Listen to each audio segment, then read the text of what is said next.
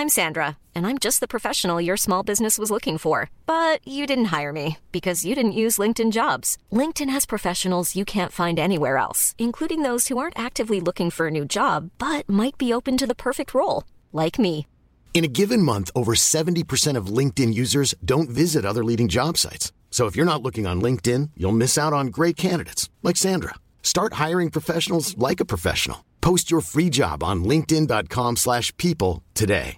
Many of us have those stubborn pounds that seem impossible to lose, no matter how good we eat or how hard we work out. My solution is PlushCare. PlushCare is a leading telehealth provider with doctors who are there for you day and night to partner with you in your weight loss journey. They can prescribe FDA-approved weight loss medications like Wagovi and Zepbound for those who qualify. Plus, they accept most insurance plans. To get started, visit plushcare.com slash weight loss. That's plushcare.com slash weight loss. Even when we're on a budget, we still deserve nice things. Quince is a place to scoop up stunning high-end goods for 50 to 80% less than similar brands. They have buttery soft cashmere sweaters starting at $50, luxurious Italian leather bags, and so much more. Plus, Quince only works with factories that use safe, ethical, and responsible manufacturing. Get the high-end goods you'll love without the high price tag with Quince. Go to quince.com slash style for free shipping and 365-day returns. Varmt välkommen till avsnitt 168 i Karriärpodden. En podd med kvinnliga ledare och förebilder. Hoppas att du har det bra trots de här konstiga tiderna vi har just nu. Om du har följt Karriärpodden så vet du att vi har gjort några specialavsnitt om ledarskap och kommunikation med tanke på coronapandemin. Vi fortsätter nu att podda på distans, men den här gången är vi tillbaka i fas med längre samtal på tu man hand. Och nu är det dags för det skånska stjärnskottet Lina Thunberg att ta plats i podden. Redan som 21-åring blev hon upplockad av Veckans Affärer som en av Sveriges 101 supertalanger. Och trots sin unga ålder har hon hunnit axla rollen som försäljningschef på Lövengrip, en av Sveriges då snabbast växande startups. Efter nästan fem år på det bolaget så startade hon sitt eget företag tillsammans med en tidigare kollega. I februari 2019 lanserade de Anyhair som är ett sleepwear-varumärke. Utöver det här jobbar Lina med affärsutveckling på Engager, en digital byrå som är branschledande inom Facebook-marknadsföring. Som ni kommer att höra i veckans avsnitt har Lina lärt sig genom att testa sig fram hela tiden. Och hon berättar bland annat hur hennes nyfikenhet och driv har tagit henne till den platsen där hon är idag. Dessutom får vi höra om några tuffa barndomsår när hon blev mobbad, hur det har satt sina spår och hur hon har lärt sig att använda det till sin fördel. Vi kommer förstås också att prata om hur det är att bygga bolag och att hinna med allt man vill göra men samtidigt jobba med att försöka hitta balans i tillvaron. Så jag är också stolt över att kunna presentera Karriärpodden och Women for Leaders samarbetspartner Volkswagen Group Sverige. Tack för att ni gör det möjligt att sända Karriärpodden. Här kommer nu avsnitt 168 med min gäst Lina Thunberg. Jag heter Eva Ekedal.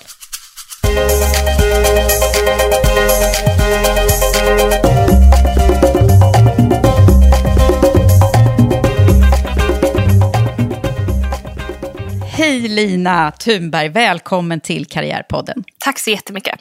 Och vi sitter ju inte bredvid varandra som det, som det var tänkt att vi skulle göra i min poddstudio, utan eh, nu är det återigen en, en eh, distanspodd här i Karriärpodden, för du är någon annanstans. Var är du någonstans?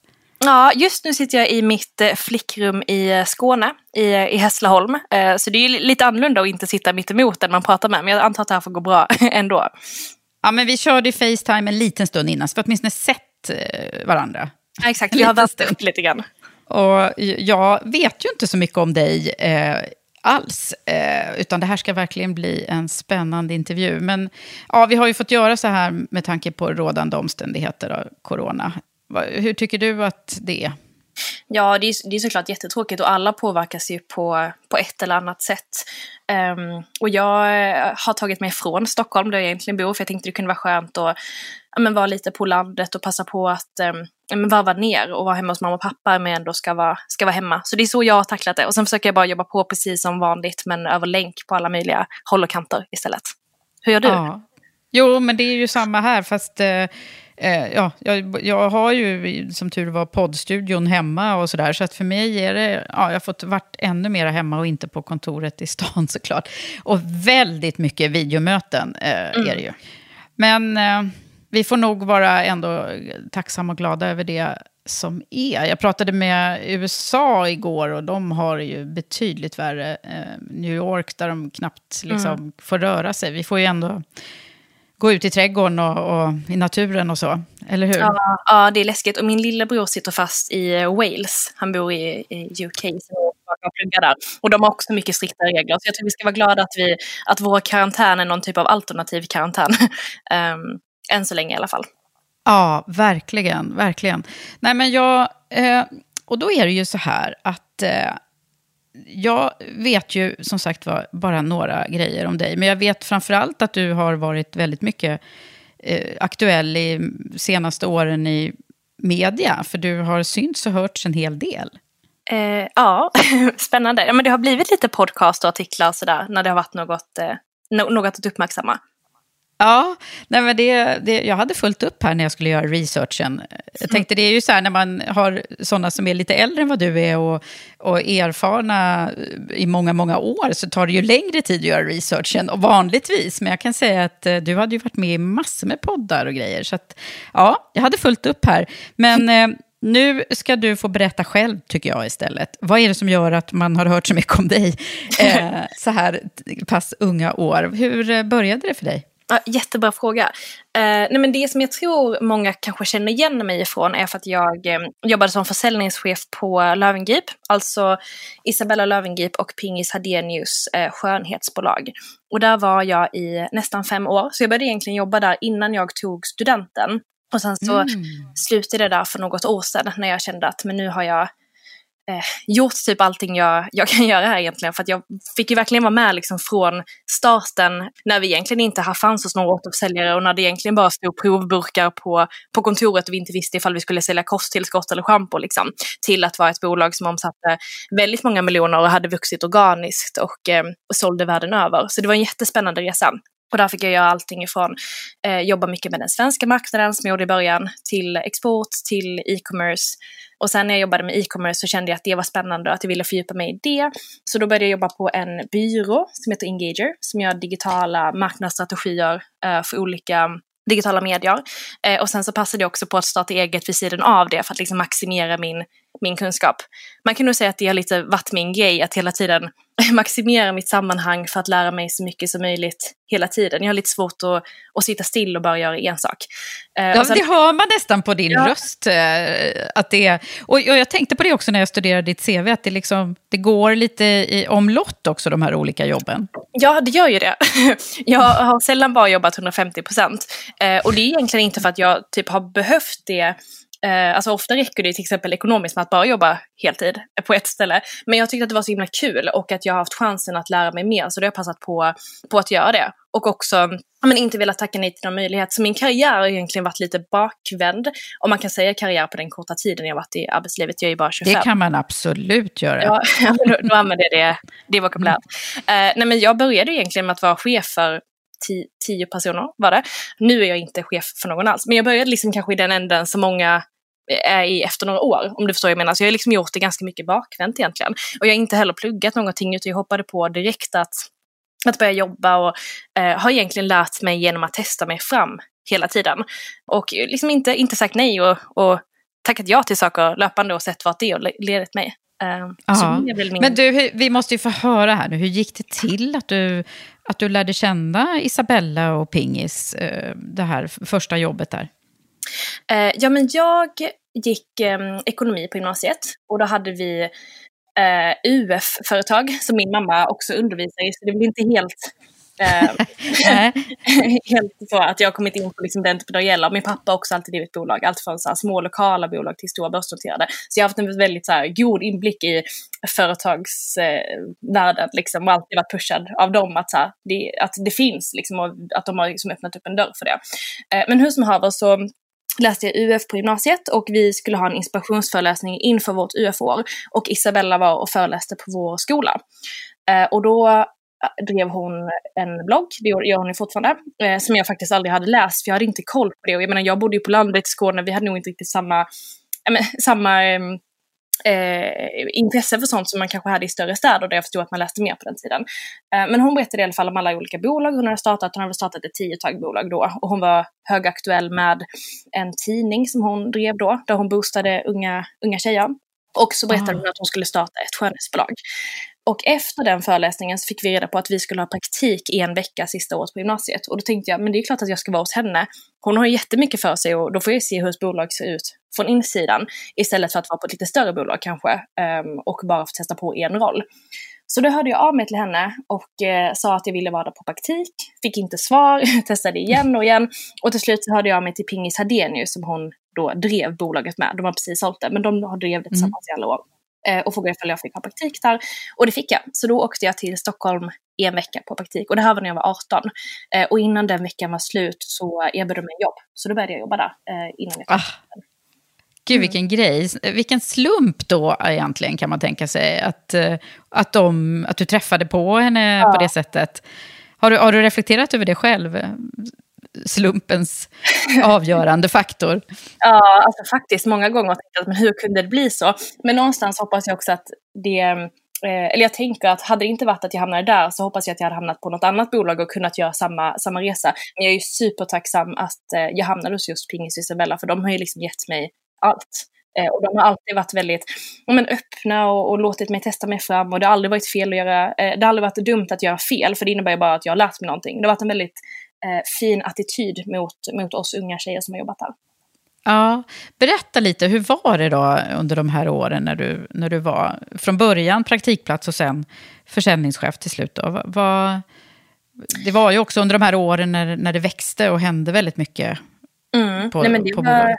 Exakt, det var jättespännande år och eh, det hände så himla mycket hela, hela tiden. Eh, och vi jobbade jättemycket och vi var många, alltså framförallt många unga tjejer och vi blev liksom som en familj där. Och eh, det var ju det var hur kul som helst. Och varenda gång jag kom och sa, ska jag göra så här eller så här? Så sa de alltid, men vad hade du själv gjort? Testa det. Eh, så det var ett otroligt öppet klimat. Och ehm, eh, men man fick testa sig fram helt enkelt. Så det var, det var superkul. Och jag är väldigt nära vän med många många från den tiden än idag. Och man är liksom lite som en familj, det, det känner du säkert också i ditt startup. Att man, mm. man jobbar väldigt tätt och mycket och man får en väldigt fin relation till, till varandra. Eh, och även Pingis och Isabella har jag en väldigt bra relation till eh, än idag som jag är supertacksam för. De är, de är fantastiska båda två. Ja. Vad var det som gjorde då att du, att du gled över till och ville jobba på Engager med eh, marknadsföringen då? Alltså i slutet på Löwengrip så jobbade jag en del med e-commerce um, och fick testa på det och tyckte det var jättespännande med liksom mediaköp och hur man kunde få upp en konverteringsgrad genom att uh, jobba med olika typer av innehåll på olika plattformar och kände att jag ville djupdyka i det. Och då är liksom Engager um, bäst i klassen så jag tänkte det kan, kunde vara kul att testa på det. Och sen så dessutom så som sagt så fick jag göra min karriär lite omvänt eh, och jag hade hunnit testa på väldigt mycket på Löwengrip och kände att det, jag vet liksom inte hur länge till jag skulle kunna växa där. Eh, eller växa hade jag kunnat göra, men i min takt. Eh, för jag vill liksom hålla mitt tempo. Och då så kände jag att det kanske var bäst för både mig och bolaget eh, att jag skulle göra något annat. Så att de fick in någon ny som liksom kom med andra krafter och att jag fick testa på något nytt med den energin jag hade. Ja, Mm. Den här idén, eh, företagsidén, den måste vi ju också... Nu måste du berätta om ditt bolagsbyggande. Jag, jag har varit inne och spanat jättesnygga pyjamasar. Kul. Är Tack, det. Ja. Jag ehm. funderade på vilken jag skulle ha. men, det kan, men det kan vi ta sen. Vilken jag ska köpa menar jag. ja, vi kan hitta en modell som passar dig bra. Um, mm. nej, men där, jag träffade Hanna som var eh, varumärkes och produktutvecklingschef på Löwengrip, lärde jag känna där. Och egentligen när jag började så var det liksom jag, Hanna, Pingis och Isabella. Och det var också vi som utgjorde ledningsgruppen under en längre tid. Um, så Hanna hade liksom sitt ben med sitt team där. Jag hade mitt ben med mitt team. Uh, och sen så samarbetade vi väldigt mycket. Eh, även ifall vi alltid hade olika åsikter om allting eh, så insåg vi att vi hade en väldigt bra dynamik och kom alltid på liksom, till en Eh, bra lösning ihop eftersom att vi vågade ifrågasätta varandra. Och så var det en dag som vi satt och pratade om att vi båda ville driva bolag och kom på att men varför ska vi inte testa att göra det tillsammans? Vi vet ju ändå att vi kan jobba bra ihop. Vi vet att vi kompletterar varandra. Eh, vi har liksom mycket lika värderingar. Eh, och tänkte, men vi, vi, vi, testar. Så då började vi spåna på vad det skulle kunna vara för någonting. Um, och tänkte till våra egna behov, till marknaden. Vi liksom läste på vad vi kände saknades i världen och tänkte på vad kan, vad kan vi för någonting? Och då hade vi precis börjat jobba mer med e-commerce och tyckte det var jättespännande. Han är duktig på att utveckla produkter, så vi tänkte en fysisk produkt man kan sälja online.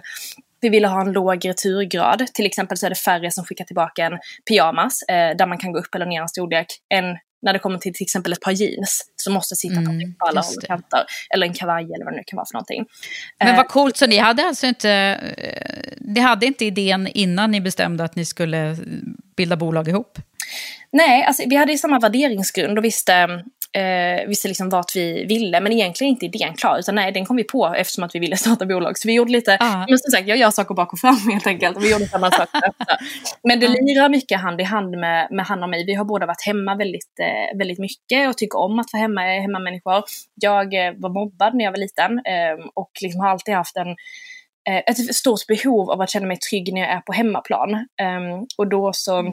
vill vi liksom också värna om många kvinnor i karriären som eh, har väldigt högt tempo, jobbar mycket, reser mycket, det händer mycket. Att man ska kunna hitta hem och varva ner. Och då tänker vi att våra pyjamasar kan vara en hjälp på vägen till det. Åh, då ska man ha så här mysigt och känna sig bekväm hemma. Ja, exakt. Ja. Det. Och känna sig fin också. Ja, framförallt det. Kanske. Mm. Att man kan känna sig piffig även ifall man bara går runt hemma. Och att man inte har en gammal tröja som man har målat i eller något sånt där. Gud, det är så jag går runt. Men nu ska jag genast ändra på det här känner jag. Precis, exakt. Så att, vadå, då slutade ni båda samtidigt eller hur, hur gick det till eh, själva? Eh, nej, alltså, och, och, vi hade ju inte behövt sluta egentligen, för både Pingis och Isabella var väldigt öppna till att vi skulle få leva eget. Och, och någonstans tror jag också att de alltid har velat att vi skulle göra det, för de har varit väldigt pro att, att man ska se Löwengrip som en språngbräda och liksom lära sig och ta sig vidare det man lär sig. Mm. Um, så att de var jätteöppna och glada och stöttande och sådär. Men, men i samma veva som det här så kände jag ju att jag ändå ville testa något nytt. Så då började jag jobba på Engager. Um, och Hanna var kvar i ett år innan hon började jobba på Axe Beauty House. Uh, där hon gör produkter, uh, private label-produkter åt Kicks och Åhléns. Så hon utvecklar okay. produkter och varumärken på sitt heltidsjobb också. Så att, ja, för att förtydliga, både Hanna och jag har ju liksom heltidsjobb utöver Annie here. Um, ah. och, så, och sen så utöver det så föreläser jag lite också. Så att vi, um, vi täcker upp våra, våra timmar på dygnet så att säga. Ja, ah, så att eh, Annie Hair, som det ah. heter då. Eh, hur länge har det funnits nu då? Vi lanserade i februari förra året, så ganska exakt ett år. Och sen så jobbade vi på det ungefär ett år innan dess. Mm, så då preppade vi och startade bolag och hittade redovisningsbyrå, alltså tog fram en grafisk profil och började produktutveckla. Alla sådana saker som um, man gör parallellt egentligen. Um, började ja. vi med ett år innan. Mm. Men hur mycket nytta hade du att du hade dels eh, själv jobbat med och, och kände till det här med UF-företag och mammas roll och så vidare. Mm. Hur, eh, hur mycket betydelse har det tror du? Nej men mycket tror jag. Alltså, jag har liksom alltid haft en väldigt, um, vad kan man säga, men, positiv och enkel approach till att driva bolag. Jag tänkte att men det kanske inte är så svårt ändå. Och också speciellt efter att jag har sett Isabella och Pingis göra det och fått ta en så stor liksom, del och ansvar av det, så har jag liksom varit väldigt men, positivt inställd till det. Samtidigt så kan, kan det vara intressant att veta att min, min lillebror och många andra i släkten är liksom superakademiker och helt eh, tvärt emot. Alltså inte att de är anti att driva bolag, men att det är snarare typ så här, man ska forska och man ska doktorera och sådär. Så att eh, det har inte varit helt självklart att det här skulle bli min väg heller. Nej, okej. Okay. Så det kunde lika bra ha blivit en akademisk karriär för dig? Ja, alltså egentligen tänkte jag att jag skulle ta ett sabbatsår efter, efter gymnasiet, men det är ju sex år sen nu. Mm. Så att, eh, det, det tog lite längre tid. Nej, alltså jag var helt inställd på att jag skulle plugga på Handels eller Uppsala eller Lund eller ah, jag vet inte, något annat spännande universitet och sen helst plugga med corporate finance på någon bank typ. Men eh, det blev ju inte alls så. Och jag är ganska glad att jag hamnade på villovägar, för jag är inte säker på att det hade passat mig att plugga. Nej, det där är ju så spännande. Jag är ju också en sån eh, som inte gick direkt och pluggade. Jag har ju pluggat senare i livet. Och det, det går faktiskt det också, kan jag ja. säga. Eh, så att eh, det, man måste, jag tror att det där är väldigt bra, det du har gjort. Alltså go with the flow lite grann. Att du liksom, nu hände det här och du fick de här möjligheterna väldigt tidigt. Tänk om du skulle bara, nej, nej, nu måste jag plugga. Det, det, Exakt, nu... och jag har liksom hela tiden vägt mitt nuläge mot att avbryta det och hoppa på något eh, som egentligen, jag, studier är liksom garanterad kunskap men att jag ändå inte riktigt vet att, exakt hur det skulle vara och kännas. Och då har jag alltid känt att men jag lär mig så mycket just nu att det skulle liksom vara dumt att jag avbröt det med tanke på hur mycket kompetens jag men, erhåller varje dag. När jag liksom hörde din berättelse och började läsa om dig så tänkte jag jättemycket på Eh, den här filmen Sliding Doors, du vet, när man liksom, eh, okej, okay, vad hade hänt om, nu, nu öppnade sig de här, har du sett den filmen? Nej, jag har inte det.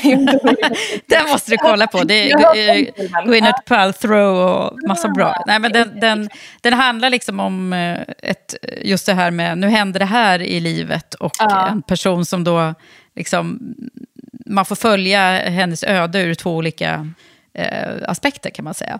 Mm. Det handlar inte om karriär utan om kärlek och massa andra grejer. Men, men, men ändå eh, så är det ju rätt spännande när man börjar tänka sådär, eller hur? Ja, verkligen. Och det där, sånt där kan jag klura på i all oändlighet. Men någonstans måste man också bara inse att nu har jag valt det här och nu får jag liksom gilla läget och köra på. Och jag är jättenöjd med vad jag har valt också. Så att jag njuter eh, varje dag och tycker också det är lite spännande att jag har gjort på det här hållet när jag egentligen ja. hade en annan väg framför mig. Så jag är ganska nöjd med mitt beslut hittills i alla fall. Men samtidigt så är jag inte anti att plugga och jag kan absolut tänka mig att göra det någon gång. Men det finns flera vägar och jag tycker också att man ska vara uppmärksam på att alla inte har samma väg framåt. Utan det, det inte... Nej, det finns olika vägar och det har ju gått så bra för dig. Menar, du har ju fått massa utmärkelser också. Eh, Veckans Affärers supertalanger och Kungen också har jag läst om. Vad var det? Var det en utbildning eller?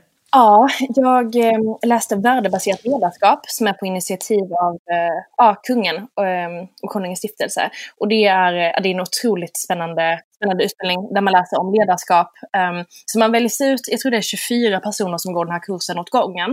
Och antagningskravet är att man ska vara intresserad av ledarskap och ha läst lite andra kurser och sådär. Eh, men sen så gör man också personlighetstester för att de vill matcha ihop så olika människor som möjligt. Så syftet mm. är att när man kommer till den här kursen att du inte ska kunna connecta med någon och att det kanske inte är människor du hade connectat med i vanliga fall.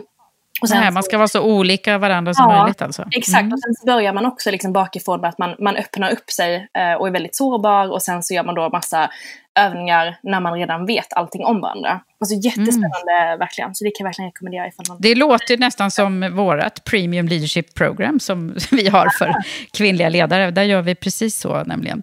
Intressant. Eh, ja, den får, den får du gå sen.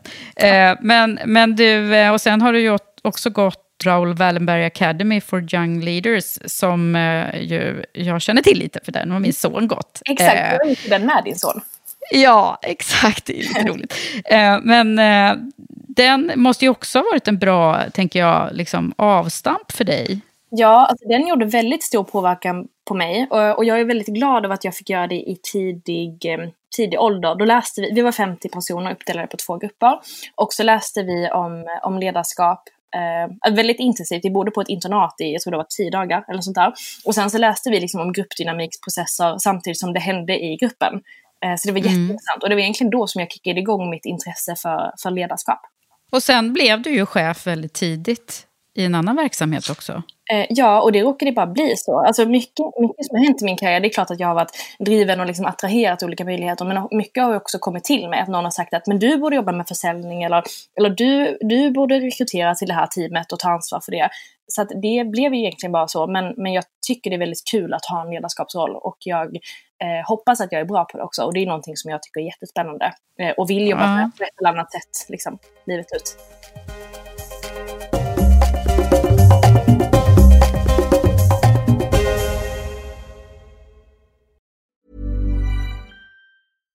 If you're looking for plump lips that last, you need to know about Juvederm lip fillers. With Juvederm Volbella XC and Juvederm Ultra XC, your lip look, whether it's subtle or bold, can last up to one full year with optimal treatment and no additional maintenance. Find a licensed specialist and see if it's right for you at juvederm.com today. That's J U V E D E R M.com. Add fullness to lips in adults over 21 with Juvederm Volbella XC or Juvederm Ultra XC. Do not not use if you have severe allergies or a history of severe allergic reactions, or if you're allergic to lidocaine or the proteins used in Juvederm. Tell your doctor if you have a history of scarring or taking medicines that decrease the body's immune response or that can prolong bleeding. Common side effects include injection site redness, swelling, pain, tenderness, firmness, lumps, bumps, bruising, discoloration, or itching. As with all fillers, there's a rare risk of unintentional injection into a blood vessel, which can cause vision abnormalities,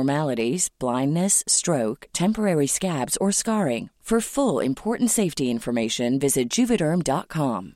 Ready to pop the question? The jewelers at BlueNile.com have got sparkle down to a science with beautiful lab grown diamonds worthy of your most brilliant moments. Their lab grown diamonds are independently graded and guaranteed identical to natural diamonds, and they're ready to ship to your door. Go to BlueNile.com and use promo code LISTEN to get $50 off your purchase of $500 or more. That's code LISTEN at BlueNile.com for $50 off. BlueNile.com code LISTEN. Hey, it's Paige DeSorbo from Giggly Squad. High quality fashion without the price tag? Say hello to Quince.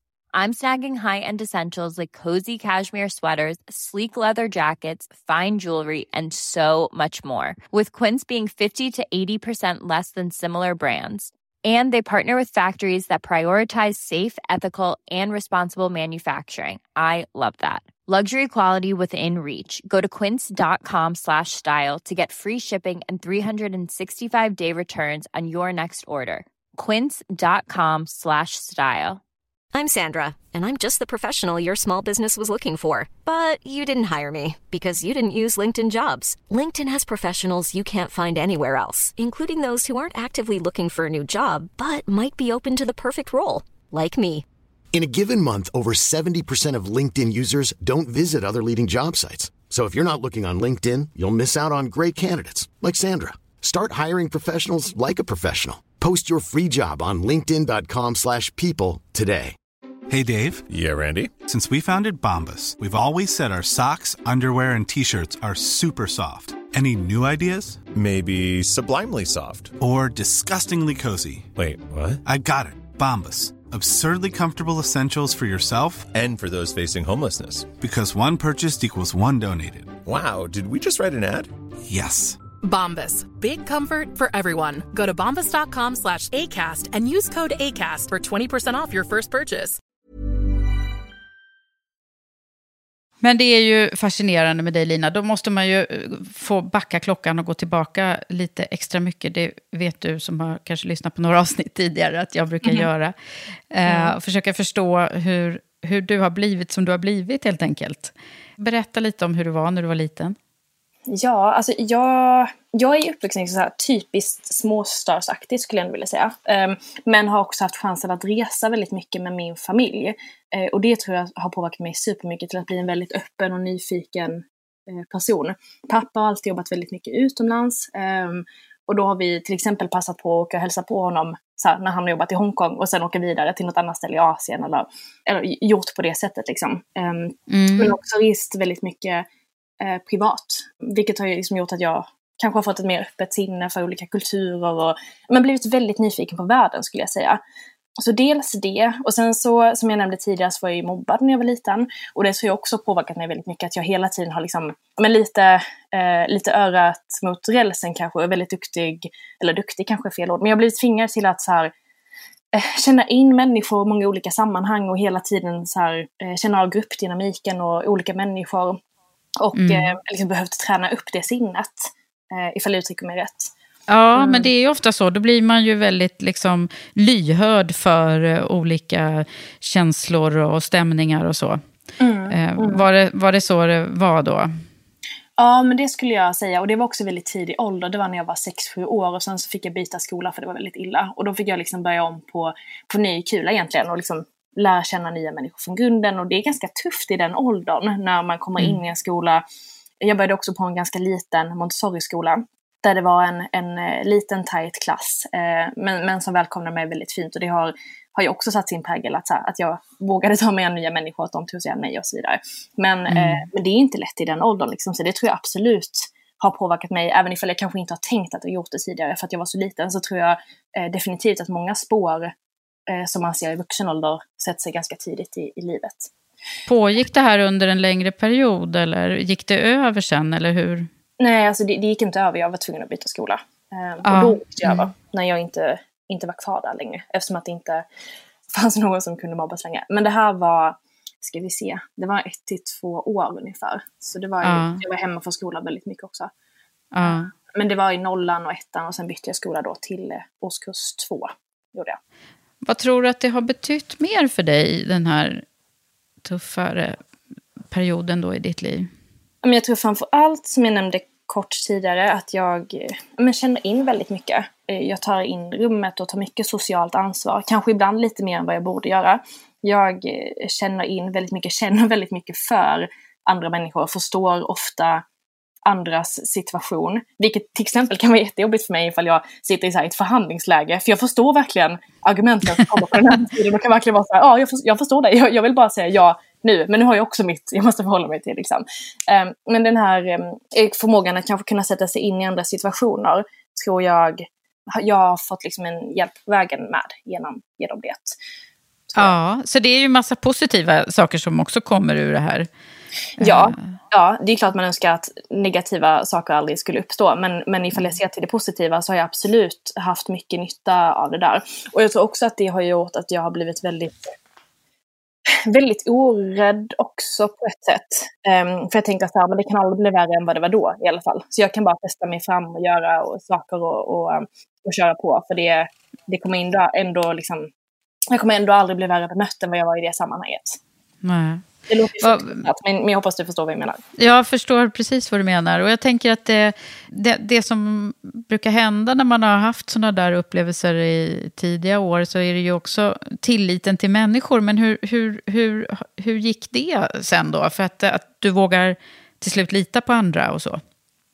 Ja, alltså det strugglar jag fortfarande med lite till och från, tror jag. Um, och jag märker också att jag har ganska lätt att så här, backa ut ur relationer. Eller så här, ifall, jag, ifall jag känner, känner av någonting så har jag väldigt lätt att klippa en relation egentligen. Men, mm. Ehm, men det gör ju också att det är något fint som kommer ur det, eller som jag har fått höra att mina kompisar tycker är fint, är att det tar längre tid att lära känna mig, men när man väl gör det, då har man liksom mig. Och då vet man att man har mitt fulla förtroende. Um, så det är nog så jag har blivit som person, liksom formad av det. Vad var det som gjorde då att du tror du fick den här enorma drivkraften? Som um, du ehm. verkar ha. ja, men framför allt tror jag att jag... Ja, alltså jag tyckte inte det var så kul i Hässleholm när jag var liten. Och samtidigt som jag, vi reste väldigt mycket med familjen, jag fick se världen, så kände jag att men jag, jag kan ju komma härifrån. Det finns ju massa andra saker jag kan göra. Och, eh, och det satte nog igång ett driv av att eh, känna alltså, att jag eh, kan placera mig själv var jag vill så länge jag kämpar för det. Och vi har alltid haft en väldigt öppen dialog hemma också om karriärer och men pratat mycket om om man är självständig och liksom kämpar och gör, jobbar ifrån sig så, så, så kommer det hända bra saker ungefär. Och jag tror att det har eh, också gunnat mig väldigt mycket. Eh, att mm. få det tänket liksom. Men du nämnde att din bror har valt en helt annan, annan väg. Eh, mm. Eh, kan du se vem du är mest lik av föräldrarna? Ja, jag tror att jag och pappa är mer lika så här, inställningsmässigt. Pappa var eh, elitdrottare i eh, brottning eh, mm. och eh, satsade helt på det. Sen så eh, bröt han nacken och kunde inte fortsätta och då blev han tvungen att börja plugga och sen så tog han väl med sig liksom den här elitidrottarmentaliteten in i att bygga bolag istället. Och jag tror att jag har fått utan någon olycka fått med mig eh, lite av hans mentalitet. Och mamma är mer mjuk och känslosam och framåt och hon är ju lärare och väldigt duktig på att vara pedagogisk och sådär. Och det går mycket hand i hand med Gustav då, min lillebror, eh, som också mm. kan tänka sig bli lärare sen när han har pluggat klart.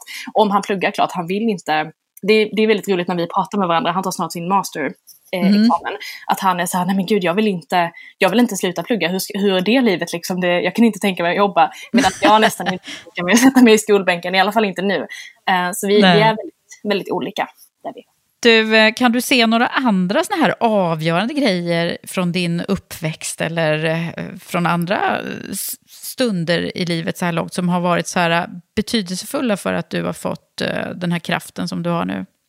Jag tror att jag hade ett litet breakthrough på gymnasiet som ju faktiskt inte är allt för långt bort i tiden. Det var ju bara sex år sedan jag tog studenten. Där jag eh, men, satsade väldigt mycket på, både på mina betyg men också att göra mycket runt omkring. Så till exempel så tävlade jag i Ung Företagsamhet eh, och fick ett stipendium som Årets entreprenör. Och då kände jag att men wow, jag är ju verkligen sedd utifrån också. Så här, det, jag kanske kan driva bolag någon gång eftersom att jag blev uppmärksammad av, men inte bara lärarna utan också liksom, eh, Ung Företagsamhet på Nessa. Eh, och likadant när jag var ordförande för elevkåren så blev jag liksom upplockad där också eh, för mitt eh, min prestation och liksom engagemang. Och jag tror att sådana saker, att bli lyft från utomstående eh, personer när man, när man kämpar och liksom ger allt tror jag, tror jag ger mycket skillnad. Eller så att det ger en boost på något sätt. Så det tror jag också har, har påverkat mig. Och om vi skulle ta den här företagarresan då också som, eh, som du eh, ju är mitt inne i. Men vad är det som har varit viktiga parametrar där tror du? Till att ni, du nämnde att ni hade likadana värderingar. Och hur gjorde ni från början där, du och Hanna?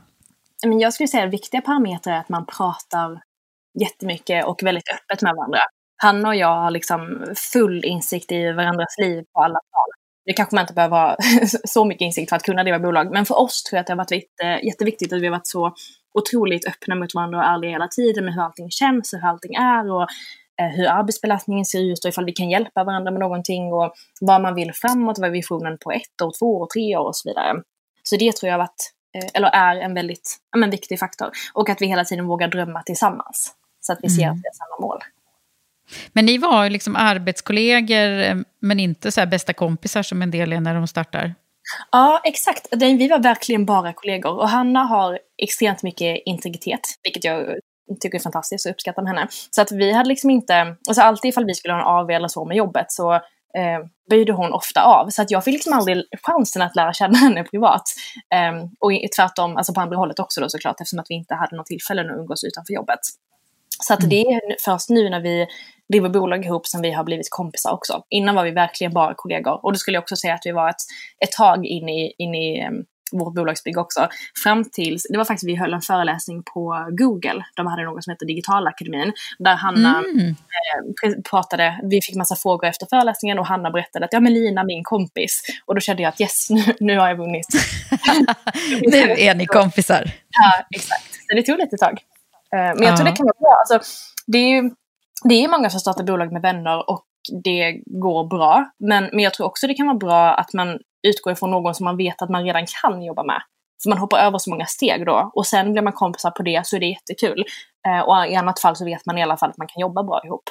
Precis, att det inte börjar i en vänskap bara, så att säga. Det, det är faktiskt samma med Shanna och mig. Vi, vi, kände ju inte varandra innan när vi startade bolag, så vi var ju verkligen övermodiga. Men, ja. men eh, började faktiskt också väldigt ordentligt med att bottna i vad är det som, eh, vilka är vi som personer och vad, har vi, vad är det som är våra viktigaste värderingar. Och där håller jag verkligen med dig om att det har varit så avgörande för oss Eh, sen är det precis som du säger, man lever ju nästan mer med sin kompanjon än med sin familj. Så att, eh, man, blir, man blir ju liksom kompisar.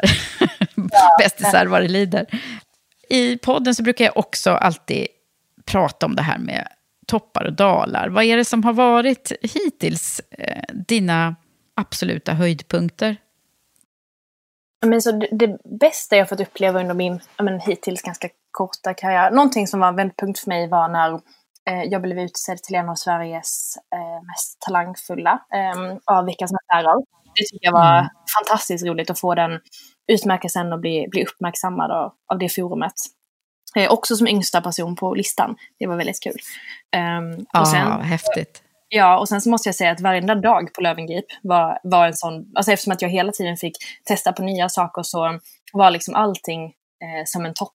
Eh, fram till slutet jag kände att men nu, nu tycker jag inte det här är riktigt lika kul längre så nu borde jag byta till något annat.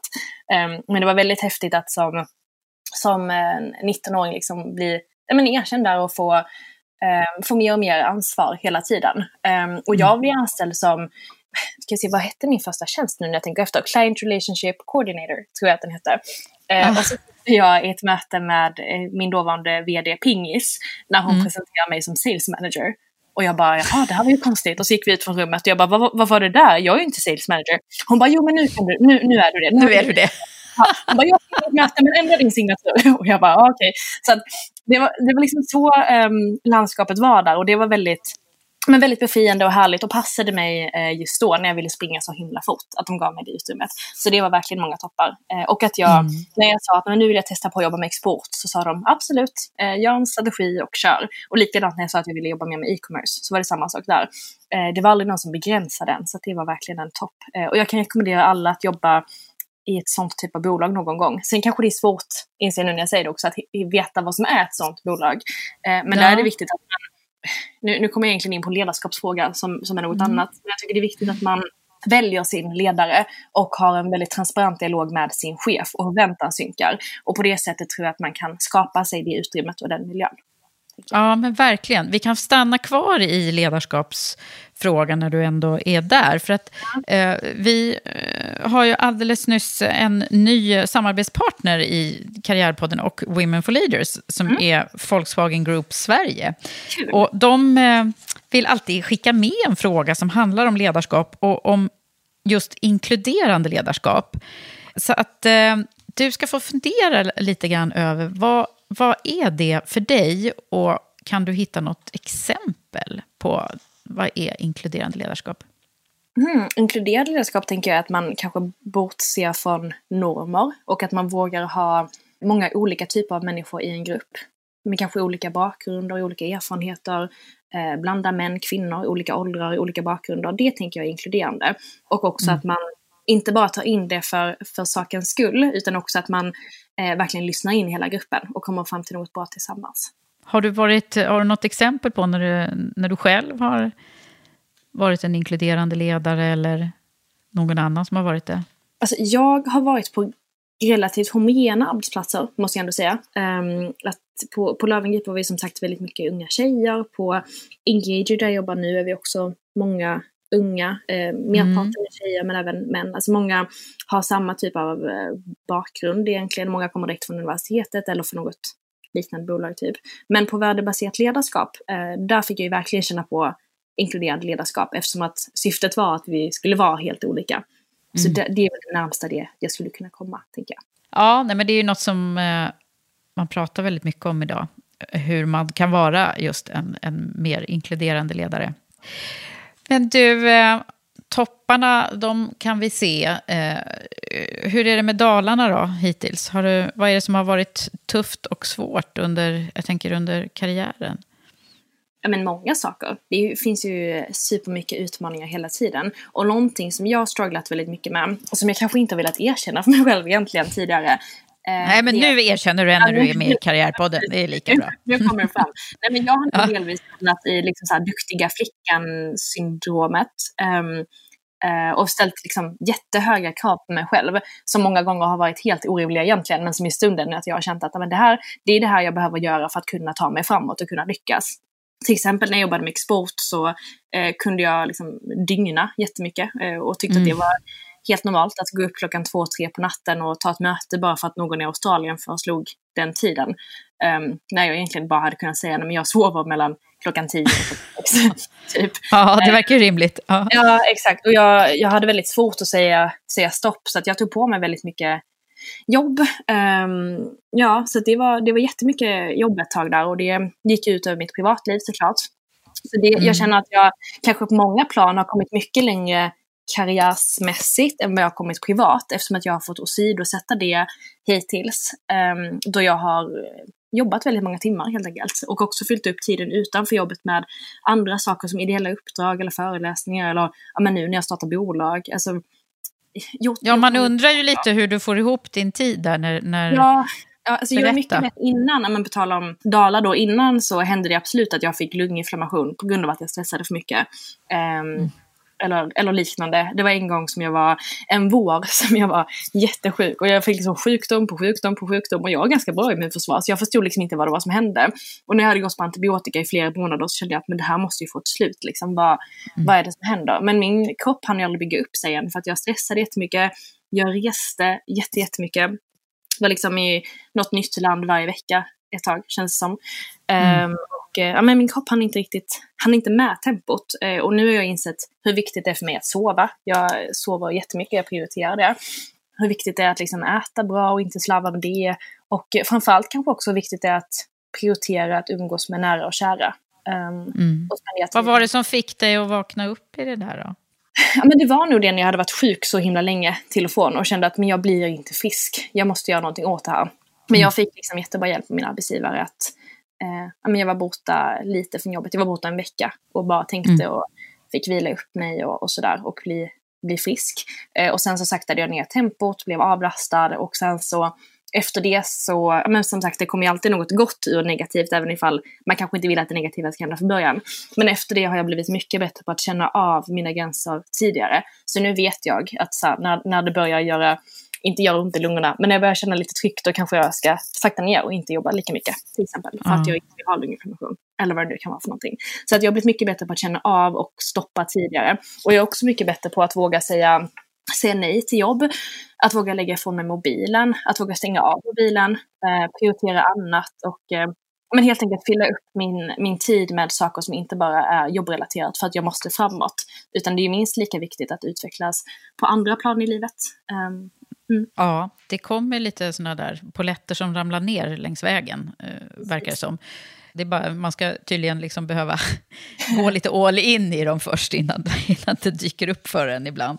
Ja. Eh, men, om, men jag tänker på det här med att, att driva bolaget samtidigt som du har en heltidstjänst och även din kompanjon.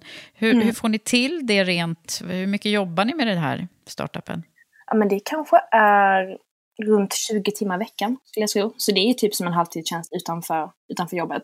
Men vi är, både Hanna och jag är superduktiga, ifall man får skryta, eh, på att planera mm. vår tid.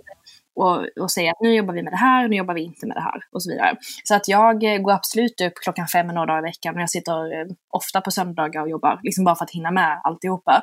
Men jag, men jag är också noga med att när jag är klar, då är jag klar och då öppnar jag inte den mailinboxen förrän nästa gång jag går in och jobbar. Eh, så att jag planerar mm. in liksom, fritid också i större utsträckning. Och för alla som drömmer om att starta bolag nu tänkte jag att vi kunde ägna en liten tid åt. För jag tänker att både du och jag har lite erfarenheter där. Men eh, mm. framförallt ifrån att göra det utifrån en sån där produkt som, som man har en idé om då. Jag tänker att eh, ni kan inte göra allting själva. Utan hur, hur, hur har, hur har, vad har ni köpt in för tjänster? Och mm. framförallt, har ni, har, ni, har ni tagit in kapital? Eller hur gjorde ni? Vi tog in lite kapital från Almi, som, som det är ett statligt bolag egentligen som lånar ut, eh, lånar ut pengar till småföretag. Um, och där tog vi något som heter mikrolån. Så då får man 200 000, eller man får inte, man får låna 200 000 kronor. Och skulle uh -huh. bolaget gå i konkurs så behöver man bara betala tillbaka 10 procent. Så det är ett jättebra sätt ifall man men vill våga testa. Och sen så satte vi ungefär, in ungefär lika mycket var eh, själva när vi mm. startade. Mm. Så vi satsade liksom ändå en del på det. Och sen så, ehm, ja men just det, som svar på frågan av vad vi har tagit in för kompetenser. Och det var ju superviktigt för oss med tanke på att vi eh, driver eget eller vi jobbar heltid och driver eget vid sidan av och vi kände att vi måste outsourca en hel del för att få det här att rulla. Eh, så till exempel så har vi tagit in en redovisningsbyrå som sköter allting som har med ekonomin att göra. Vi har en agent som hjälper oss att utveckla våra produkter. Vi designar allting och så. Det är liksom vi som gör det och det är vi som godkänner samples och så. Men den här agenten hjälper oss att hitta rätt typ av tyg till exempel. Eller rätt typ mm. av fabrik för det tyget vi har valt. Är det en agent eh, inte i Sverige då eller? Eh, nej, hon sitter i Hongkong men bolaget är svenskt ägt. Mm, okay. yes. mm. Eh, så då sitter hon i Hongkong och sen så outsourcar hon till olika fabriker i Asien baserat på vad det är vi ska producera för någonting. Eh, och sen så har vi även en varumärkesbyrå som vi jobbar väldigt tätt med. Och eh, det är liksom absolut det bästa beslutet vi har tagit. De är, de är fantastiska och jag rekommenderar alla som någonsin ska välja en varumärkesbyrå att jobba med eh, Good Luck Have Fun. Ah.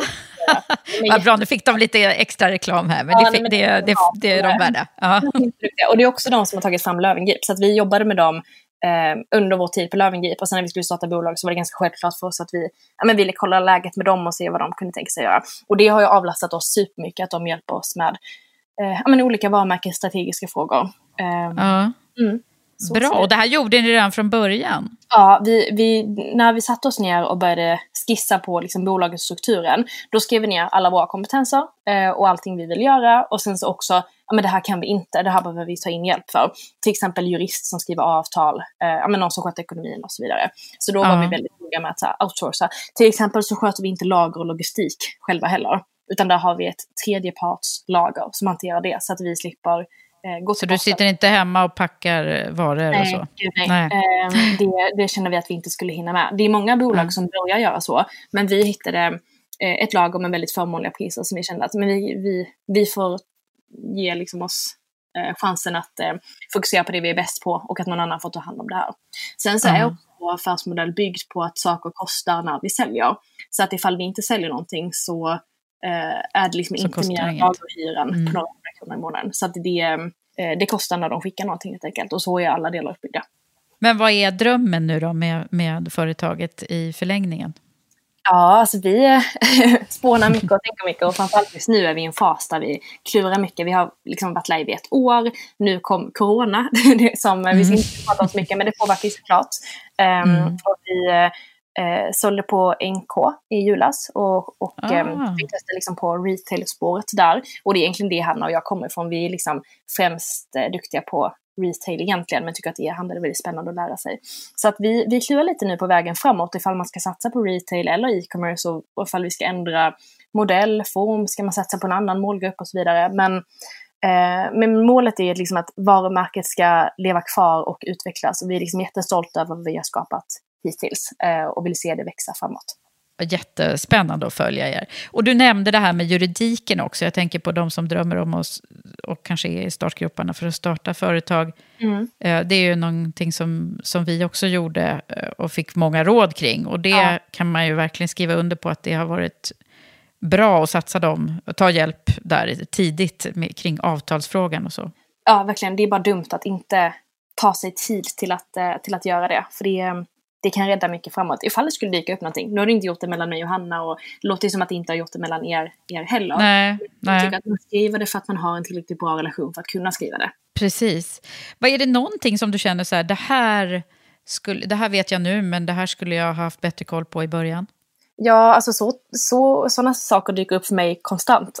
så jag skulle säga typ allt. Efter att vi bara har kört och gasat och testat oss fram. Till exempel så beställde vi våra produkter med logotyp och allting på innan vi hade fått godkänt från eh, Patent och registreringsverket. Eh, och när vi fick tillbaka eh, vår liksom, ansökan från dem så fick vi avslag på namnet. Så att, och då hade vi ju redan beställt upp liksom alla, alla produkter. Så vi bara, jaha okej, hur, lö- hur löser vi det här nu? Så att man kanske inte ska vara så snabb hela tiden. Å andra sidan så löste vi det. Eh, de ville inte att vi skulle heta Anyhere för det fanns ett eh, schweiziskt bolag som hette Anywhere. Eh, och det var liksom för Aha på. Men då så pratade vi med det här schweiziska bolaget och de sa um, att det var okej att vi fick heta det och de önskade oss lycka till och sen skickade de in ett papper till Patent och registreringsverket på att vi fick hitta, heta eh, Annie here ifall vi ville. Um, och då var det OK, så då fick vi heta det ändå. Men lite sådana saker. eh, och likadant, eftersom att vi inte visste att vi skulle sälja i retail, för vi hade ju tänkt e-commerce bara, men sen så hörde NK av sig och ville sälja. Och då kände vi att man kanske inte tackar nej till när NK hör av sig, liksom, vi ville testa det. Och då behövde vi ha produkttaggar på produkterna, du vet sådana här små, eh, nu tappar jag namnet, men de här små pappersbitarna som hänger på. Ja, just det. Ja. Exakt, med EAN-koder och sådär som man kan scanna i butik. Och det hade ju inte vi på våra produkter eftersom att de låg nerpackade och skickades e-commerce. Så då fick vi liksom göra en jättestor vända där vi beställde hem etiketter, öppnade upp alla produkter, satte på dem. Och det blev ju mycket dyrare än ifall vi bara hade gjort det från början. Eh, så det är Aha. lite sådana saker som jag kanske hade gjort annorlunda i efterhand. Å andra sidan så vet jag ju det nu så att jag har ju lärt mig liksom. ja, återigen, det är liksom learning by doing på något sätt, hela Ja. vägen. Ja. Exakt. Du, det här med, med att vara kvinnlig företagare då, det är vi ju inte så himla många som är, eller rättare sagt, det är väldigt mycket prat om det här nu, Mm. att vi också får väldigt lite av riskkapitalet. Ja. Vad har du för, eh, eller det är ju fjuttiga under 3 procent tror jag, Mm. fortfarande, Mm. som går till kvinnliga företagare. Vad har du för tes om det här, eller har du någon tanke varför det ser ut så? Ja, alltså jag tycker det är ett jätteintressant ämne. Jag har också ja, men, lyssnat på mycket poddar om det och läst om det och sådär. Men ehm, jag vet inte, alltså någonstans så är det väl för att det har varit så historiskt. Det kommer att ta tid att ändra. Ehm, kvinnor eh, har liksom historiskt sett varit belönade med att inte ta risk. Män har varit belönade med att ta risk. I olika undersökningar visar det. Så jag tror att det kanske har med det att, att göra. Eh, och att vi någonstans nu är i en övergångsperiod. Men att det kommer krävas mycket innan det blir helt 50-50. Och viktigt med förebilder som ju den här podden handlar om. och som du är med i nu. Eh, så det är ju jättebra att du skickar vidare dina tankar och det som har varit både eh, lärdomar och eh, det, som, det som både är svårt och lätt, så att säga. Mm. Det du gör just nu. Men om du skulle summera här nu då lite grann. Vad, vad, vad är det för någonting? Nu har inte du, som du säger, en jättelång karriär än så länge, men mm. du har en spännande karriär. Eh, vad är det som har varit så här, dina viktigaste tips eh, som du vill skicka med dig? Eh, jag tror att man bara ska våga kasta sig fram och, eh, och bara köra. Och, och tänka liksom, vad är det värsta som kan hända? Ibland tackar jag ja innan jag hinner börja tänka på att tacka nej. För då måste jag, liksom, måste jag köra eh, och lära mig något nytt. Och sen så finns det ett väldigt bra eh, uttryck som nästa tips eh, på att man inte behöver vara bra för att börja göra någonting. Men du måste någon gång börja för att kunna bli bra. Och det tycker jag är väldigt mm. viktigt. Att, mm. men ingen är expert i början, så kör. Testa, mm. se vad det landar. och sen också att alltid se sig själv som en beta-version. Det har hjälpt mig mycket när jag har haft prestationsångest och tänkt att jag måste vara bäst på allting från början. Att, eh, att man alltid är en betaversion och att jag kommer vara bättre på det jag gör imorgon. Eller det, jag gör idag kommer jag vara bättre på imorgon eftersom att jag redan har gjort det en gång. Och att jag hela tiden utvecklas. Mm. Det var väl bra grejer. Tänker du på det där ofta? Ja, jag tänker ofta på det där med att jag är en betaversion. Att så här, det är lugnt uh -huh. ifall jag gör något misstag, det är lugnt, nästa gång kommer jag inte göra det. Det är viktigt att jag lär mig av det. Eh, mm, att jag vågar testa. Ah. Hellre att jag testar och gör fel än att jag inte vågar alls. En sak som slår mig att jag gärna skulle vilja höra mer om och prata med dig om, det är ju det här med självförtroende. Ja. Har du alltid liksom haft bra självförtroende? Ja du, ja, jag, jag, jag tror nog det. Alltså jag har nog liksom varit uppfostrad så med att, med att ha det, men också med att vara ödmjuk. Eh, hoppas jag i alla fall. Eh, mm. men, men att hela tiden så här, tro på mig själv och, och våga. Eh, har jag nog varit liksom väldigt eh, belönad med eh, sen ung ålder. Så, att ja, så även under den här svåra perioden när du, när du blev mobbad och så, så det var inte någonting som, som ruckade på ditt självförtroende? Jo, det var det absolut. Och jag, ska jag vara helt ärlig så minns jag inte särskilt många, eller jag minns en del sekvenser men jag minns liksom inte allting under den tiden för det var, eh, jag har nog liksom förträngt det mesta. Förträngt det men, lite, eh, ja. Ja, precis. Men, eh, men jag tror att jag har fått med mig mycket självförtroende efter det. Och så vet jag också att jag var väldigt eh, modig som barn och sa vad jag tyckte och tänkte och liksom tog för mig och, och gjorde det jag kände för. Så jag antar liksom att innan och efter eh, hade jag liksom bra självförtroende och att jag byggt vidare på det. Mm. Det tror jag är viktiga grejer det där, att man eh, bottnar i sig själv. Och det låter ju som du sen också har blivit sedd och bekräftad i, i andra sammanhang då genom genom eh, din framgång här tidigt i karriären också. Mm, ja, det är precis. sånt som betyder väldigt mycket för en, tror jag. Ja, verkligen. Och det är därför jag också tror att, men till, som jag nämnde med till exempel gymnasiet, att jag blev uppmärksammad då av inte bara lärare utan av utomstående. Um, att jag fick liksom ett gehör att så här, men, men du är duktig, du kan ju. Och att det gjorde, gjorde väldigt mycket. Och sen så en mm. annan sak som jag kom på som är ett bra, bra tips, som jag, om jag får flika in med en sak till. Mm, absolut, säg hur många eh, du vill. super, då, då fortsätter jag i all oändlighet. Nej men på, mm. Eh, på Lövengrip så, men som sagt, nu har jag sagt det några gånger, men vi var väldigt många unga kvinnor i början av karriären. Eh, och då så bokade Pingis och Isabella in eh, oss på psykologtid en gång i månaden. Så att vi liksom skulle få eh, prata med någon och få utlopp för våra ledarskapsfrågor och frågor kopplade till jobbet och eh, liksom säkerställa att alla mådde bra. Och det har också påverkat mig väldigt mycket. Eh, och jag har mm. än idag väldigt bra kontakt med den psykologen vi hade då. Jag pratar inte med henne särskilt ofta, men ifall det är någonting som jag känner att jag behöver bolla så, så pratar jag med henne för att alltid få en second opinion. Eh, och det tror jag också är superviktigt, att våga ha en extern part att prata med om, om saker. Och, och också att man kanske inte bara ska utveckla sig själv typ fysiskt genom träning, utan hjärnan är också en muskel som måste må bra. Eh, och att man vågar ta sig tiden och göra sånt också. Eh, det där är ju bra att man tar med sig eh, till alla, skulle jag säga. Även senare i livet. Ja. när man nu, för man pratar ju mycket om... Eh, förr så, så var det liksom inte... Då var det något konstigt typ ja. att ta hjälp av... Nu, jag är ju samtals, utbildad samtalsterapeut och mm. har ju själv jobbat med det här. Och det är Jag brukar säga det att alla behöver en terapeut. Det tror jag också. ja. Eller en mentor. Man kan ju ja. ha mentor och coach och sånt också. Men, men eh, det, det är bra att ha någon som kan se lite objektivt både på ens tillvaro och, och ens personlighet och så. Det mm. tror jag. Mm, absolut. Ja, gud vilka bra tips. Det sista grejen som du ska få säga nu, det handlar om förebilder. Mm. Har du några förebilder? Eh, ja, det har jag. Jag brukar säga att jag har två, framförallt, två stora förebilder. Och det är eh, lilla Greta Thunberg och stora Greta Thunberg. Mm. eh, Greta Thunberg, alltså miljöaktivisten, är min ja eh, släkting. Är ni på något... Ja, ni är släktingar. Ja, och jag, tycker att hon är, jag tycker att hon är otroligt duktig och cool och liksom visar hela världen vad hon går för och står upp för sin grej och bara kör. Eh, och hon är döpt efter min gammelfarmor. Greta Thunberg. Mm. Eh, som gjorde samma sak men som drev vår eh, släktgård. Eh, och också kämpade för miljön, fast på sitt sätt, med sitt lilla ekosystem på landsbygden. Liksom. Eh, så jag tycker att de två står upp för väldigt bra saker och visar att man som kvinna, oavsett ålder och oavsett förutsättningar, kan göra skillnad där man är. Åh, gud vilka, vilken tur att jag ställde den här frågan. Nej, men jag tänkte faktiskt på det när jag googlade liksom, Thunberg och stava likadant, tänkte jag. Men, eh, men vi är många, så vi, hade inte behövt vara släkt, men nu, nu råkar det vara så. ja, ja, ja, vad härligt Lina. Jättekul att prata med dig och jag känner på mig att det kommer att komma flera framgångar som kommer hagla runt dig framöver. Så det ska bli kul att följa dig i karriären. Tack för fina ord. Och tack för att jag fick vara med, det var superkul. Stort tack till dig som har lyssnat på det här avsnittet med min gäst Lina Thunberg. Hoppas du blev lika inspirerad av det här samtalet som jag blev. Jag kommer absolut anamma hennes tankar om att alla från början är en betaversion. Det släpper liksom lite på trycket. Jag tycker det är väldigt roligt att det är så många som följer och hejar på oss. Du prenumererar väl på Karriärpodden via din poddapp?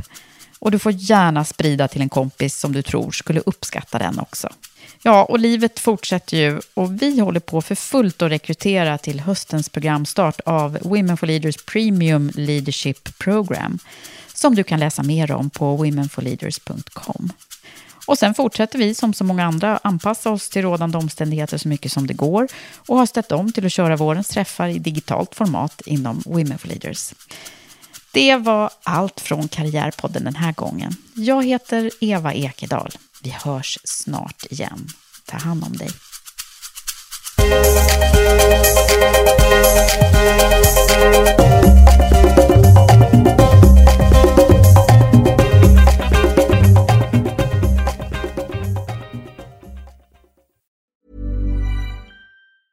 Mom deserves the best, and there's no better place to shop for Mother's Day than Whole Foods Market. They're your destination for unbeatable savings, from premium gifts to show-stopping flowers and irresistible desserts. Start by saving 33% with Prime on all body care and candles. Then get a 15-stem bunch of tulips for just $9.99 each with Prime. Round out Mom's menu with festive rosé, irresistible berry chantilly cake, and more special treats. Come celebrate Mother's Day at Whole Foods Market. Mom deserves the best, and there's no better place to shop for Mother's Day than Whole Foods Market. They're your destination for unbeatable savings, from premium gifts to show-stopping flowers and irresistible desserts. Start by saving 33% with Prime on all body care and candles. Then get a 15-stem bunch of tulips for just $9.99 each with Prime. Round out Mom's menu with festive rosé, irresistible berry chantilly cake, and more special treats. Come celebrate Mother's Day at Whole Foods Market. Target.